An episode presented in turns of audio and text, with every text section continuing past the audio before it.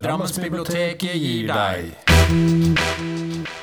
Da vil eh, Hilde og jeg, Britt, få lov til å ønske hjertelig velkommen til Det er vel egentlig denne høstens første litteratur til lunsj. Det var noe på podkastfestivalen. Dette her er den vanlige litteratur til lunsj.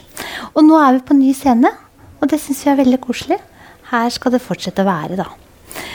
Da skal vi begynne, for vi har veldig mye å snakke om. og det, vi snakker om at vi Guri, kanskje snakker for mye, men da kan dere bare gå, altså, egentlig. Hvis det, hvis det blir for ille. Ikke det at vi ønsker det, men det Men vi blir så begeistra for disse bøkene.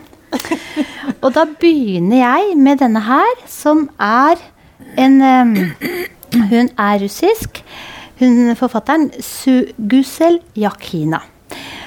Boka heter 'Suleika åpner øynene'. Og I denne boka her så blir vi da kjent med Suleika. Det er en ung kvinne fra en liten tartarlandsby i republikken Tatarstan i Russland. En republikk jeg aldri hadde hørt om. Og vi er på 1930-tallet. Menneskene i denne landsbyen de har sine helt spesielle tradisjoner. Og sin egen eh, tro. Det er litt sånn islamstro blanda med mye overtro. Suleika hun er gift med en mye eldre mann og bor sammen med han og svigermor fra helvete. Hun er 100 år gammel, og hun forguder sønnen og hater svigerdatteren.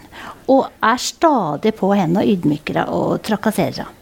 En dag kommer kommunistene, altså de røde, kommer, eh, for de skal eh, ta gården det skal eh, kollektiviseres. Så gården til Suleika, mannen, skal eh, tas, og de må vekk. Og de blir satt eh, Eller mannen blir da skutt og drept fordi han eh, prøver å sette seg til motverket.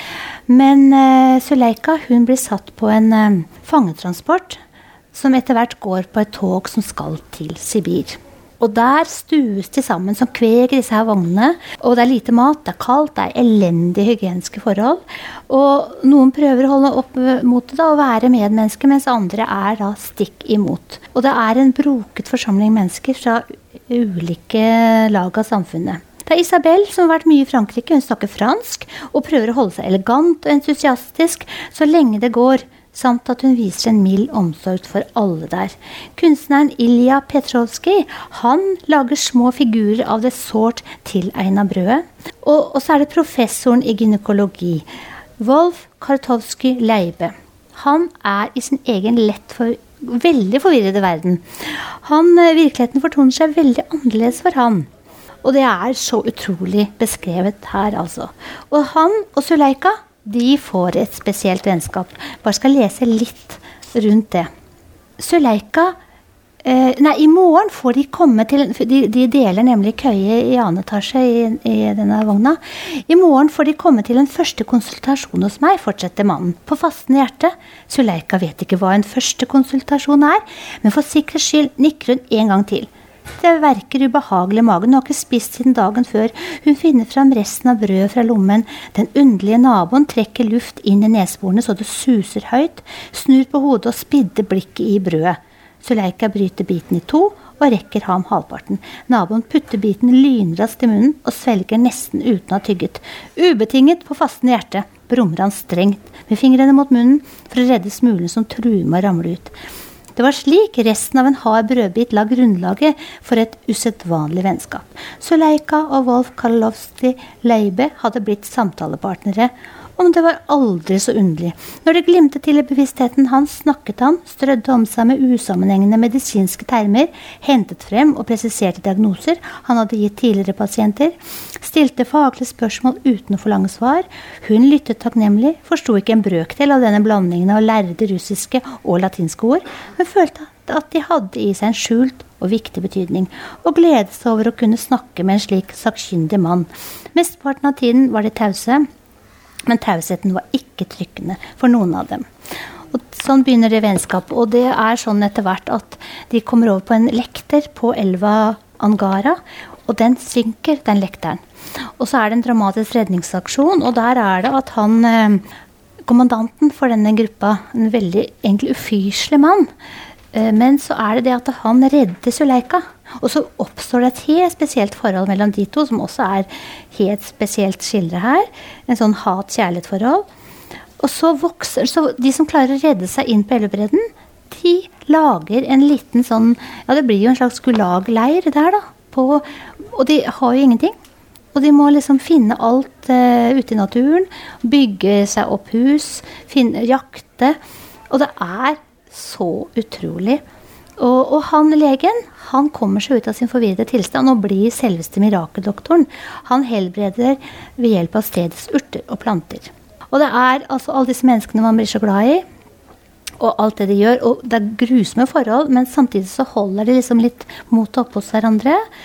Og mm, jeg kunne sagt så utrolig mye mer. Og så er det en utrolig skildring av Suleika som er ute. Hun får nemlig sønn. Hun var gravid når hun ble tatt. Får en sønn og skal da oppdra han. Og så er det en bjørn. Det er en bjørn inni skogen der, så den lille sønnen har kommet seg ut. Og så er det hvordan hun klarer å redde livet til sønnen sin fordi hun har gevær med seg. Og klarer på mesterlig vis å treffe akkurat og det er så helt spesielt. Jeg kunne lest høyt fra det, men det skal jeg ikke gjøre. For det blir veldig Men, men den derre der, det der forholdet mellom kommandanten og Suleika er veldig spesielt. Og med den sønnen, og med han, han mirakeldoktoren, da. Og disse her menneskene. Så ja, dette er eh, virkelig boka si, altså. Det må jeg si. Det er flere bøker ved siden. Jeg tror i hele, kan, hele, mitt voksne liv så har jeg vært veldig begeistra for sir David Attenborough. Jeg tror jeg har sett det meste av det han har lagd. Selvfølgelig så jeg skjønner han har gode filmfolk eh, med seg, men han er en knakende god formidler, og det er så interessant det han uh, presenterer. Jeg var litt ambivalent til denne, for jeg tenkte jeg orker ikke 300 sider med elendighet. Men jeg leste nå boka, og jeg angra ikke. Fordi Eh, media gjør oss jo oppmerksomme på sårbar natur og utrydningstrua arter. Og vi har vent oss til en utpint planet, og det har vært en glidning i synet på hva som er normalt. Vi undervurderer betydningen av naturen, og vi har kapasitet til å utrydde levende vesener i en enorm målestokk. Så hva har vi framfor oss? Attenborough han mener at alle svar fins i naturen sjøl. En ny bærekraftig levemåte er påkrevd, og vi må stabilisere planeten. Og vi veit også egentlig hva vi må gjøre. Men, og historia viser heldigvis at vi kan få til store endringer på kort tid dersom motivasjon er til stede. Det er nødvendig med en bærekraftsrevolusjon. Og heldigvis, det forskes og det jobbes. Det er snakk om ren energi kontra fossil energi. Og denne boka her kom ut rett før Russland invaderte Ukraina. Og energidebatten er jo annerledes nå enn da, dessverre. Men vi må altså fortsatt få fortgang i karbonskatt, karbonfangst og karbonlagring. Vi må redde villmarka, og det viser seg at bevaringsprosjekter er vellykka dersom lokalbefolkningen er involvert. For det er jo dem som kjenner konsekvensene på kroppen. Og her henviser han til masaiene i Kenya. Og det er mange, mange vellykka forsøk på bærekraftig fiske. Det angår jo i høyeste grad oss. I Nederland så drives det spennende innovasjon på jordbruk. Man eh, har altså nye landbruksmetoder som eh, så å si eller i hvert fall da, har minimale klimaavtrykk. Og det fokuserer selvfølgelig på grønn vekst. Også innen byutvikling skjer det mye. Det gror jo opp takhager og parker med nyttevekster mange steder. Vi vet jo Bragernes kirke bl.a. Um, og det er til og med store klimavennlige muligheter når det gjelder produksjon av plast. Det syns jeg var eh, fint å lese, for det visste jeg faktisk ikke. Altså. Reparasjon og resirkulering er jo også stikkord her, da. Det er kjempeinteressant, og det er som sagt håp, fordi mennesket har vist seg som dyktige problemløsere. Og det er muligheter, det er stadig teknologisk utvikling og nyvinninger. Og Attenborough sier at naturen er den mest fantastiske hjerte- og lungemaskin som finnes. Selv om det er ugjenkallelige endringer, så er det altså ingen dommedagsprofeti. Det er saklig, det er nøkternt, og det er empirisk. Det er altså forskning som ligger til grunn her. Og han sier at eh, vi betrakter jo jorda som vår planet, styrt av mennesket og til det beste for mennesket. Og det blir lite igjen til resten av livet på jorda. Vi har lagt jorda under oss. Den virkelig ville verden, den ikke-menneskelige verden, den er, eh, om ikke helt borte, så er det ikke så mye igjen.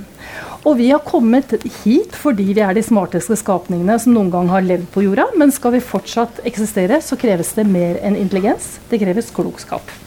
Og sitat Vi skal ikke redde verden, sier Attenborough. Den klarer seg uansett på lang sikt. Vi skal redde oss sjøl.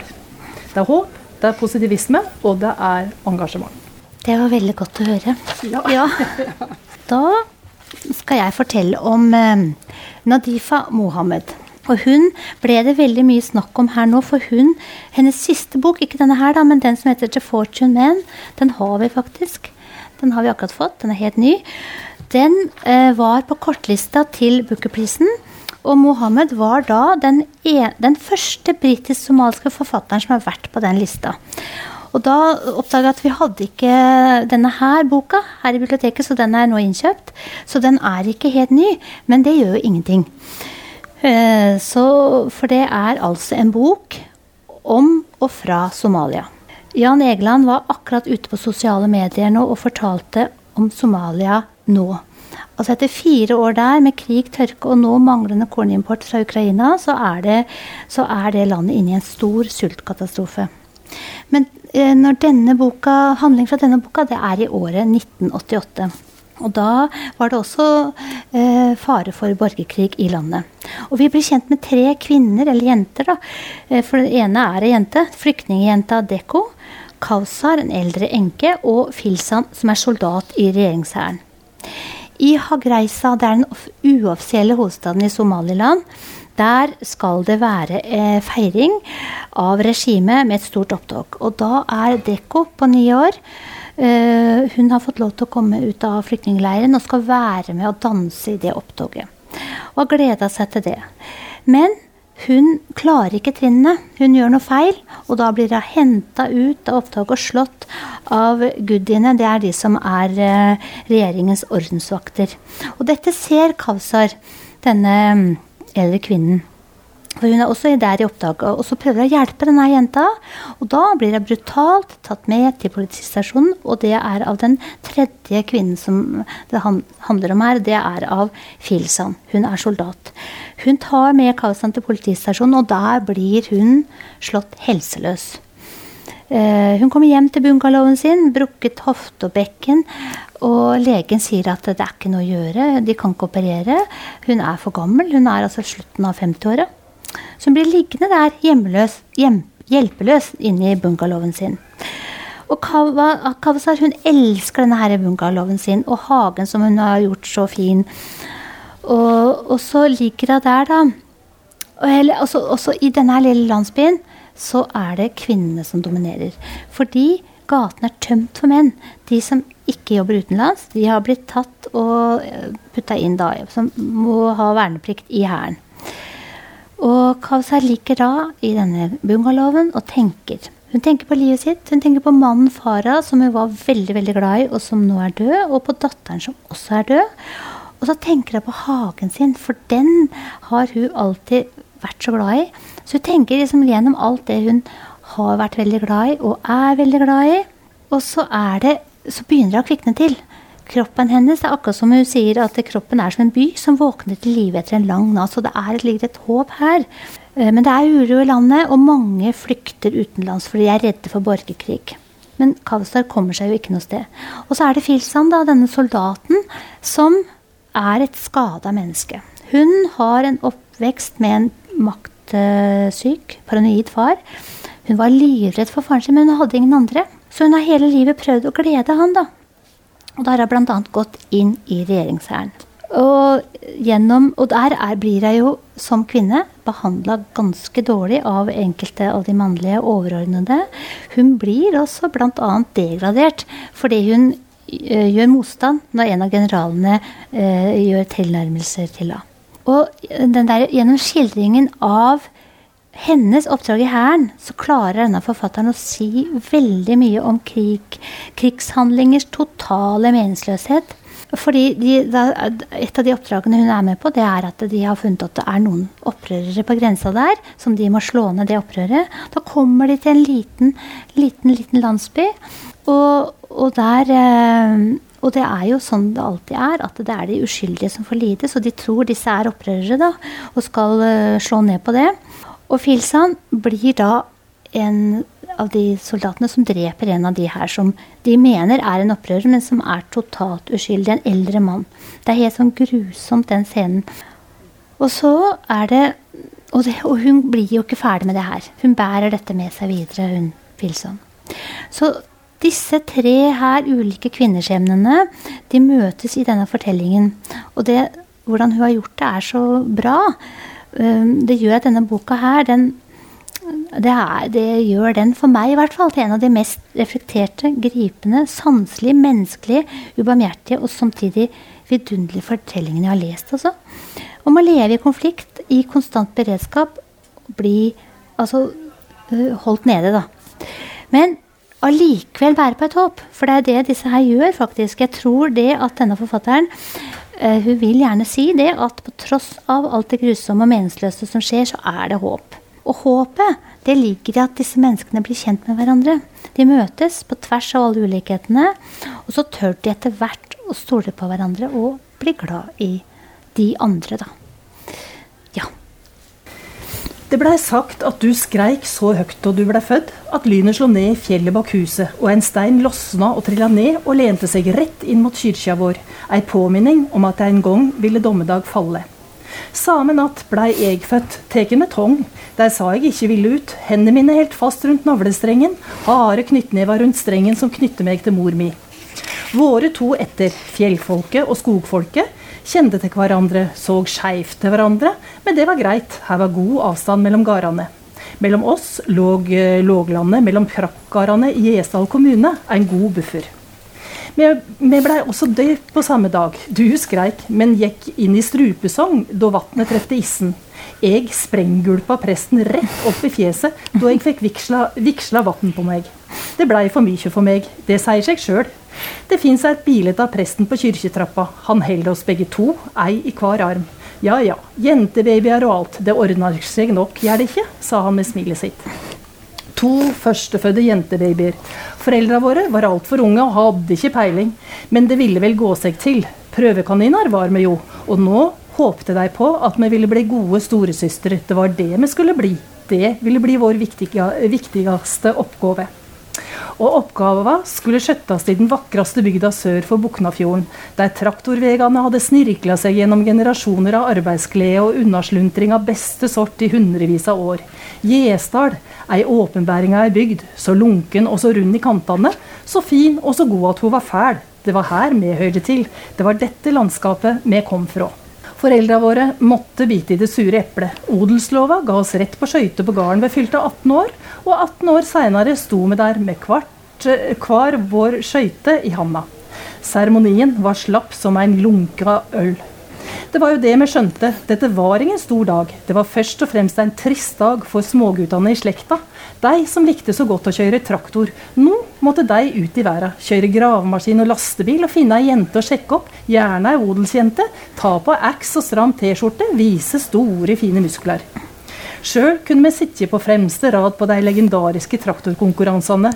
Den såkalte traktorpullinga, der de største traktorene som var å oppdrive, og eieren med skulle vise seg fram med biceps og hestekrefter.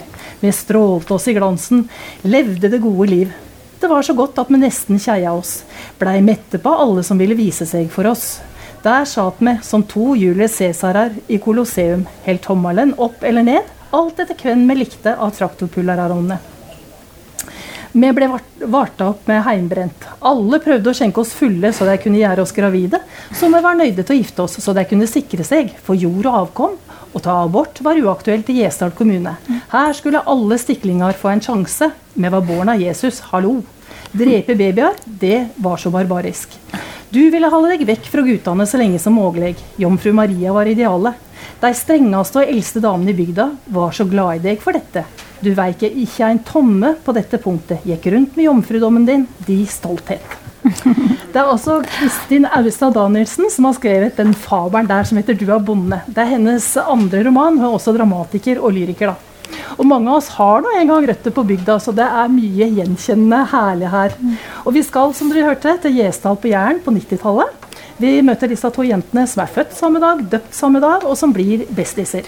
Den navnløse hovedpersonen er til en liten uh, odelsjente til en liten gård, og venninna til en stor gård. Har masse håp og drømmer, vil så mye. Bestevenninna er praktisk og arbeidsom og vi driver etter alle kunstens regler. Hovedpersonen er lat og drømmende og vil helst ligge på sofaen, spise chips og se filmer. Vi hører om oppveksten deres, men vi følger også jentene i odelsjentehverdagen deres. da. Eh, men det sies at skogen som ble tatt fra jentas, altså hovedpersonens familie i et urettferdig jordskifte, det har gjort slekta langsinte og langbitre. Det er et, tilbakevendende teppe her. Og slekta tenker så mye. Hun lurer på om de kanskje mangler litt respekt i bygda. Men på en annen side, slekta er muligens litt følsomme.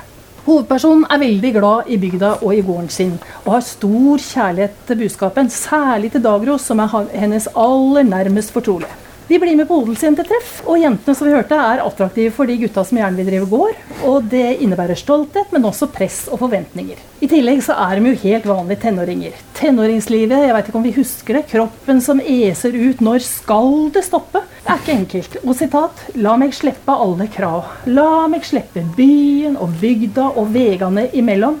Telefonleidningene og alt kavet om hva det er å være jente. Jeg likner ingenting. Jeg ser ut som et popkorn som har poppa, og som aldri vil slutte å poppe. Skjemmer hun ut eh, slekta når hun har for trang body på bygdefesten. Hun må jo være en god representant for slekta, men etter hvert så blir hun en tøff og selvstendig eh, jente. Hovedpersonen er etter hvert en veldig bevisst dame, også når det gjelder kjønnsrollemønster. Og hun ergrer seg over hvordan damer betraktes på bygda. Hun mener de blir ledd av, og hun vil gjerne se gamle damer i badedrakt. Og hva er det som er så fantastisk med menn som ser ut som tømmerstokker, altså mimikkløse? da? Og hvordan er det nå med endringer og nytenkning på bygda? Alle krava, hvordan det alltid har vært, og hvordan vi gjør det her. Tida endrer seg, det er vanskelig å klare seg som småbruker, og de flinkeste ungdommene dras til byen, sies det faktisk. Men hovedpersonen, det gror en liten eh, en i hun har en vanvittig plan som ryster bygda langt inn i grunnvollene. Og det syns jeg er herlig opprørsk. Det er en fabel. Det er mye herlig galskap, masse humor og surrealisme. Og her er både fyll og Jesus. Mye handler altså om arv og plikt, misunnelse og det å alltid vite hva naboen foretar seg. Bygdedyret er med. Da drar vi altså mm, fra bygdedyret her i eh, Norge til Island. Nå er det da Jon Kalman Stefansson. Det er ikke den jeg tror ikke, Denne her kom i fjor, så den er jo ikke helt flunka ny. Så kan være noen allerede har lest den, for de fleste vil jo gjerne lese Jon Kalman Stefansson. Og da skulle jeg bare lese bitte litt eh, fra, helt fra begynnelsen. Det finnes alltid en trøst. Kanskje drømmer jeg dette. At jeg sitter på forreste benk i en kald landsens kirke. Den dype stillheten utenfor brytes av enkelte brek fra en sau og fjerne skrik fra noen rødnetterner, Vinduet rammer inn den blå himmelen, havet en stripe med grønn eng. Et, et fjell fattig på vekst. Jeg håper dette er en drøm, for jeg kan ikke huske meg selv. Vet ikke engang hvem jeg er, eller hvordan jeg kom hit. Vet ikke men jeg er ikke alene i kirken, for det er han ikke. Det sitter eh, en mann lenger bak. Og kan det være djevelen? Eller er det presten, kanskje? Eller kanskje det er rutebilsjåføren på stedet? Og så er det en slags sånn samtale som går mellom disse to her. Eh, innimellom alle de der fantastiske historiene som denne boka består av. Mannen som ikke husker noe, det er da han som blir kalt forfatteren da etter hvert, han skal liksom binde sammen de her historiene. Han må finne biten, han må prøve å huske igjen alltingene og sette det sammen. For den som begynner på en historie, har ansvar for å, å avslutte den. Alle historiene her handler om kjærlighet på en eller annen måte. Den varme og trygge, intense, lidenskapelige, umulige og dramatiske. Og forfatteren han får bo i en liten campingvogn kalt Utopia. Og her tenker han at ja, kaffe, whisky og musikk er alt man trenger. Og så er vi i gang. Og den første historien forfatteren får høre, får han høre av Runa. Og den, de to, Runa og forfatteren, de møtes på gravplassen øh, ved støtta til graven til moren til Runa, som het Alida. Og på gravstøtta så står da Da er det det som boka heter. 'Ditt fravær av mørke'. Alida, som moren til eh, Runa het, hun møtte kjærligheten som et lynnedslag. Hun og kjæresten de kjørte åtte timer fra Røykjavik til ut til dette vesle stedet her for, ved havet for å bade i et sånt helt spesielt basseng der ute. Så punkterer bilen på veien i, en liten, liten landsby, og de får hjelp av bonden Haraldur. Ett blikk fra han, og Alida er redningsløst fortapt. Og de reiser tilbake til Reykjavik, men hun klarer ikke å glemme ham. Og så til slutt så gjør hun det slutt med denne mannen som hun, kjæresten og vennen, og som hun er egentlig veldig glad i, men hun gjør det altså slutt. Og kjører, reiser hele den lange veien tilbake til dette vesle stedet. Det tar åtte timer, da, og hun tenker 'hva har jeg gjort'? Og så kommer hun fram til det her stedet, og så møter hun på eh, Hun møter på Skuli og Hafrun. Det er to mennesker som selv har opplevd en bemerkelsesverdig og vakker kjærlighetshistorie, som også er en av historiene i boka. Skuli sier til Aldis at bygda trenger et menneske som henne. Et menneske som tør kaste fra seg alt pga. et blikk. Da stivner ikke livet. Så slik starter altså en av kjærlighetshistoriene i boka.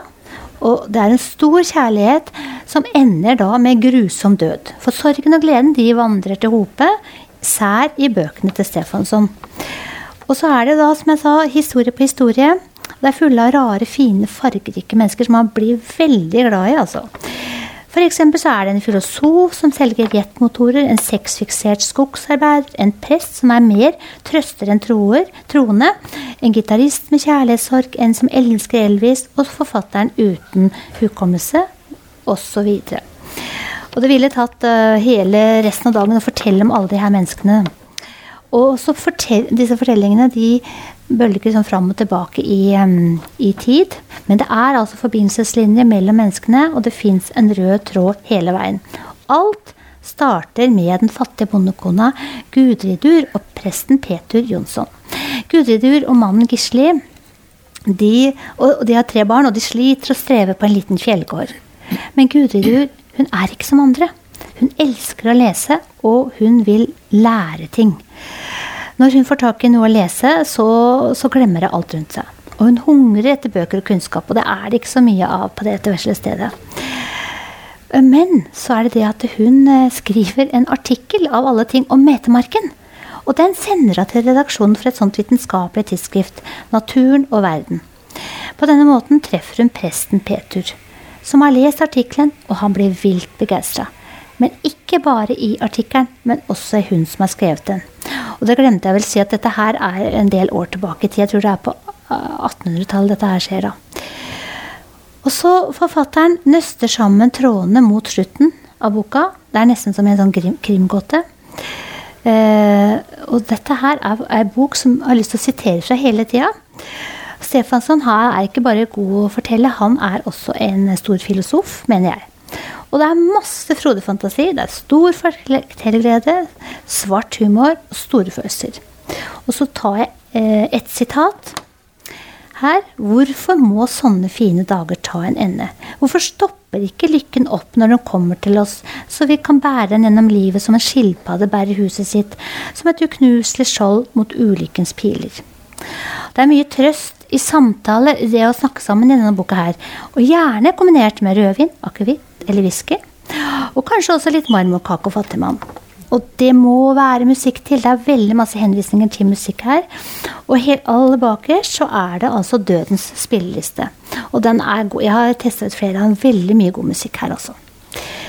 Så det er den. Og så skal jeg bare kuppe og ta en til, fordi nå må, må jeg fortelle om um, den diktsamlinga som eh, akkurat er gitt ut, det er han Stefanssons samla dikt, da. Eh, og det som er eh, og, og, den har jo han Stefansson har så mye fantasifulle titler på diktsamlingene sine. Denne heter 'Hjertet er en egensindig traktor'. Og han har med fellingstillatelse på evigheten, gudenes jetmotorer, hun spurte hva jeg ville ta med meg til en øde øy. Sånne, sånne titler lager han. Og begynnelsen eh, er en veldig morsom og fin selvbiografi, hvor han forteller om hvordan han ble dikter. Og det, han jobba jo eh, som håndverker og fisker, og leste masse og drømte alltid om å skrive. Den første diktsamlingen ga han ut da på eget opplag. Han opp, det ble trykt opp 500 eksemplarer. Og han trodde at denne utgivelsen skulle endre verden. Og skuffelsen ble enorm da han skjønte at det gikk ikke sånn. Og, og det gikk veldig dårlig, egentlig. Og en, det var en, en som sa om boka at um, hvorfor slikt sløseri med papir? Men Stefansson han ga seg ikke, og det syns jeg vi skal være veldig veldig glad for. Og så vil jeg bare da, for det må jeg nesten få lov til, å lese ett dikt fra en av samlingene. Eh, det er sånne morsomme svart-hvitt-bilder her av forfatteren som ung også, men det nytter ikke å se på så lang avstand. Men jeg, dette er en sånn stemningsrapport fra en eh, pub på Island et sted. Og jeg kjenner, liksom, du går rett inn i det, for han klarer å beskrive det. Det er som en sang av Tom Waits. Og den heter 'Closing Time à la Tom Waits'. Det gjentatte tømte whiskyglasset halvfullt på et gammelt piano.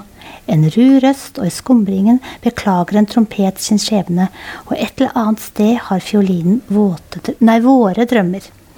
Natt, tåkeflak glider tause under gatelysene, stoler satt opp på bordene, og den gråhårete bartenderen later til å feie. Hans en gang blå skjorte har nå ubestemmelig farge. Et drømmende par tett omslynget på gulvet, kvinnen i blomstrete kjole, en mann sovnet over bardisken og sigaretten for lengst sluknet. En osende oljelampe kaster et svakt skimmer over det halvtomme glasset, og en rødlig solstråle føler forsiktig på kjellervinduet. Dagen er ikke vår, og hun, hun er så langt borte. Mm, så fint. Eh, Lydia Sandgren har skrevet samlede verker. Det er hennes første bok, og den er oversatt til tolv språk. Og hun fikk Augustprisen, hun er altså svensk. Og det er den eh, høyeste utmerkelsen en svensk bok kan få, da. Det er forleggeren Martin. Han er 50 år. For første gang på eh, flere tiår så er han ingens omsorgsperson. Begge ungene hans er på vei ut. Og han sitter igjen med en tomhetsfølelse og er vel egentlig i en livskrise. I forbindelse med et intervju da, så får vi tilbakeblikk på, på livet hans. Og boka beveger seg hele tida mellom fortid og nåtid. Martin han var den flinke arbeiderklassegutten som på videregående møter den intellektuelle Gustav. Og Gustav han er et malertalent helt utenom det vanlige. Martin er på leit etter sin egen identitet, skal finne seg sjæl. Jeg vet ikke om dere husker det? Riktig kleskode og sjargong og hva det enn er. Og Gustavs familie de er opptatt av kunst og kultur, og det er veldig forlokkende for Martin. De følger hverandre videre i livet, og studentlivet blir faktisk ganske utfordrende for dem. For man skal finne seg til rette, finne meninga i pensum og oppgaver. Det er mye tvil rundt det hos de unge mennene. Og det er mange damehistorier og mye festing, men det livet gir også tidvis faktisk både meningsløshet og gledesløshet. Vi er med når Martin møter Cecilia, og det er kvinnen med stor K. Cecilia er disiplinert, kjempedyktig, flyktig distré, kompromissløs, en enten-eller-person. Og hun er helt i utakt med sin overklassefamilie og dens forventninger. Og Gustav han blir etter hvert en veldig anerkjent og kritikerrost maler. Martin etablerer etter hvert et forlag. Han ville så gjerne bli forfatter, men han får ikke til. Martin og Cecilia de får først datteren Rakel, etter hvert også sønnen eh, Elis, som er kolikkbarn, og det er forferdelig utmattende. Likevel så er Cecilia travelt opptatt med avhandlinga si og forbereder disputasen sin. Hun er kjempedyktig, språkmektig, idehistoriker og perfeksjonist, men hun finner ingen ro. To uker etter avhandlinga er ferdig, så er hun plutselig borte. Dukker ikke opp igjen. Hvorfor dro hun? Hvor ble det av henne? Og hvorfor dukker hun ikke opp igjen? Det og hvordan forsvinningen påvirker de andre rundt henne, er det stadig tilbakevendende tema i boka. Så 15 år etter dette da, så er det Martin og Cecilias datter Rakel som er student og oversetter. Faren vil ha Rakel til å oversette ei bok. Og hovedpersonen i den boka har overraskende mange likheter med mora. Flere enn at det kan være tilfeldig, mener Rakel. Rakel oversetter nå boka, og den får henne virkelig til å starte leitinga etter mora. Etter å ha sett en av onkel Gustav, altså farens beste venn, siste utstillinger, skjønner hun at det virkelige motivet for hans kunstnerskap, det er mora hennes. Mora som ble borte. Han har malt utallige bilder av mora i ulike livsfaser. Hun konfronterer ham med det, og Gustav sier at hun må bare slutte å leite etter mora. Hun må la det være som det er, men det klarer hun ikke. Eh, Rakel oppsøker forfatteren av boka hun nettopp har oversatt, og forfatteren forteller at jo, han traff en kvinne som jobba som tolk i Berlin. Hun var veldig tilbakeholden om fortida si. De innleda et forhold. Helt til hun en dag bare flytta og blei borte. Og han skjønner at forholdet deres det betydde ingenting for henne. Ut ifra det han forteller, er Rakel overbevist om at den kvinna må være mora. Og hun føler at hun er på sporet, men hva skjedde? Og hun klarer ikke å slutte å leite. Og så viser det seg også at Gustav, da, farens bestevenn, han må ha hatt kontakt med Cecilia opp igjennom. Og hvorfor sa han ikke noe? Og hvorfor kom ikke mora tilbake? Og Rakel studerte i Berlin, og hun må ha oppholdt seg et steinkast uten mora, og det må mora ha visst via Gustav. Og hvorfor tok hun da ikke kontakt? Det er en roman om dyp kjærlighet og stort savn, og det er langvarig vennskap, og hva klassebakgrunn gjør med folk. Og det er mye filosofi og kunst. Vi møter Hemingway, vi møter Sartre. Men aller mest så er det en spennende og rikholdig familiehistorie. Og da er det da tradisjon tro, eh, vi må jo være tradisjon tro, at vi har en diktsamling til slutt. Fortelle om en diktsamling. Og da er det Rune Kristiansen, siste samling, 'Jeg går i sorg'. Dette er den. Og i den forbindelse så vil jeg veldig gjerne fortelle om en podkast som jeg hører på, som er veldig bra. Og den heter 'Brenner, Brenner deler dikt'. Og der var en av episodene så var det en lyriker han, som heter Henning Bergsvåg. Han var gjest. Og da er det gjesten som kommer i podkasten, som deler sitt, et dikt som de er glad i. Og han, Henning Bergsvåg han deler da et dikt fra denne, denne diktsamlinga. Jeg holdt på å lese den mens jeg hørte på den podkasten. Og, og han ble så veldig han ble så veldig betatt av det ene diktet her, som heter det heter 'Musikk igjen'. For det, han fortalte, eh, denne lyrikeren fortalte at mora hans var 87 år. Og her, det, det, det, diktet her det minte så veldig om mora. Og så sier han at han skjønte kanskje ikke alt, men den stemningen av det, det, gjorde noe med en, da. Og diktet, det er sånn. De vårlige vekstene i vinduskarmen, de høstlige vekstene i fremtiden, og dagen vender slik mor vender seg vekk fra seg selv. Men hva er helt stille i verden? Ingenting er helt stille i verden. Hør, eplene gir fra seg små knepp i morgensolen. Et ekorn rister av seg pollenstøv, og en tusjpenn tørker under en barneseng. Og dette er altså, denne diktsamlinga er da en hyllest til en mor. Altså Det er moren til Rune Kristiansen som er død, og hun var dement de siste årene av livet sitt. Og da har han og han, jeg, jeg, er veldig glad i måten Rune Kristiansen skriver på. For han, han, skaper sånne helt spesielle stemninger. Og det er ofte en sånn blanding av vemod og skjønnhet. Og denne hyllesten her, da, til tross for sorgen over uh, mora som er død, og det triste i at han mista henne før hun døde, så skriver han så nært på de her følelsene. Og, og det er alle sånne små ting som får betydning. Og så har han eh, også, også, det der med å prøve å huske de gode tingene, da. Og det klarer han å skrive om, syns jeg. Eh, skal ta ett dikt til. Det er det som heter 'Uferdig selvportrett'. Jeg tar farvel med mor.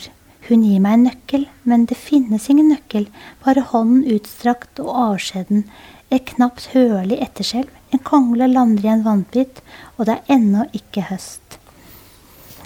Og, og så er det det som jeg Men det får ikke dere sett herfra, for det er, det er et bilde på baksida som gjorde så inntrykk på meg. For det er altså et bilde tatt av mora til Rune Kristiansen. Og det er et bilde som ble tatt like etter at hun hadde lest et uh, Altså Det er den begeistringen hun da viser etter at hun har lest et dikt hun likte veldig godt. Så det er bilde av begeistring. Og det der, det, det kan riste tristheten ut av det meste. Og kan kanskje klare å få en til å huske gledene og glemme sorgen. Så det her er en nydelig liten diktbok. Og da har vel vi snakket ferdig. Ja, da har vi snakka veldig mye. Veldig koselig at dere kom. Så hjertelig takk for nå, og vel hjem. Takk.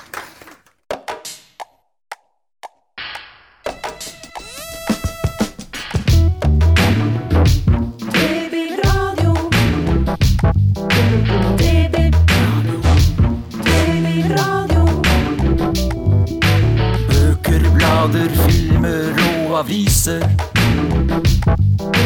Bilder, data, spill, musikk og nett.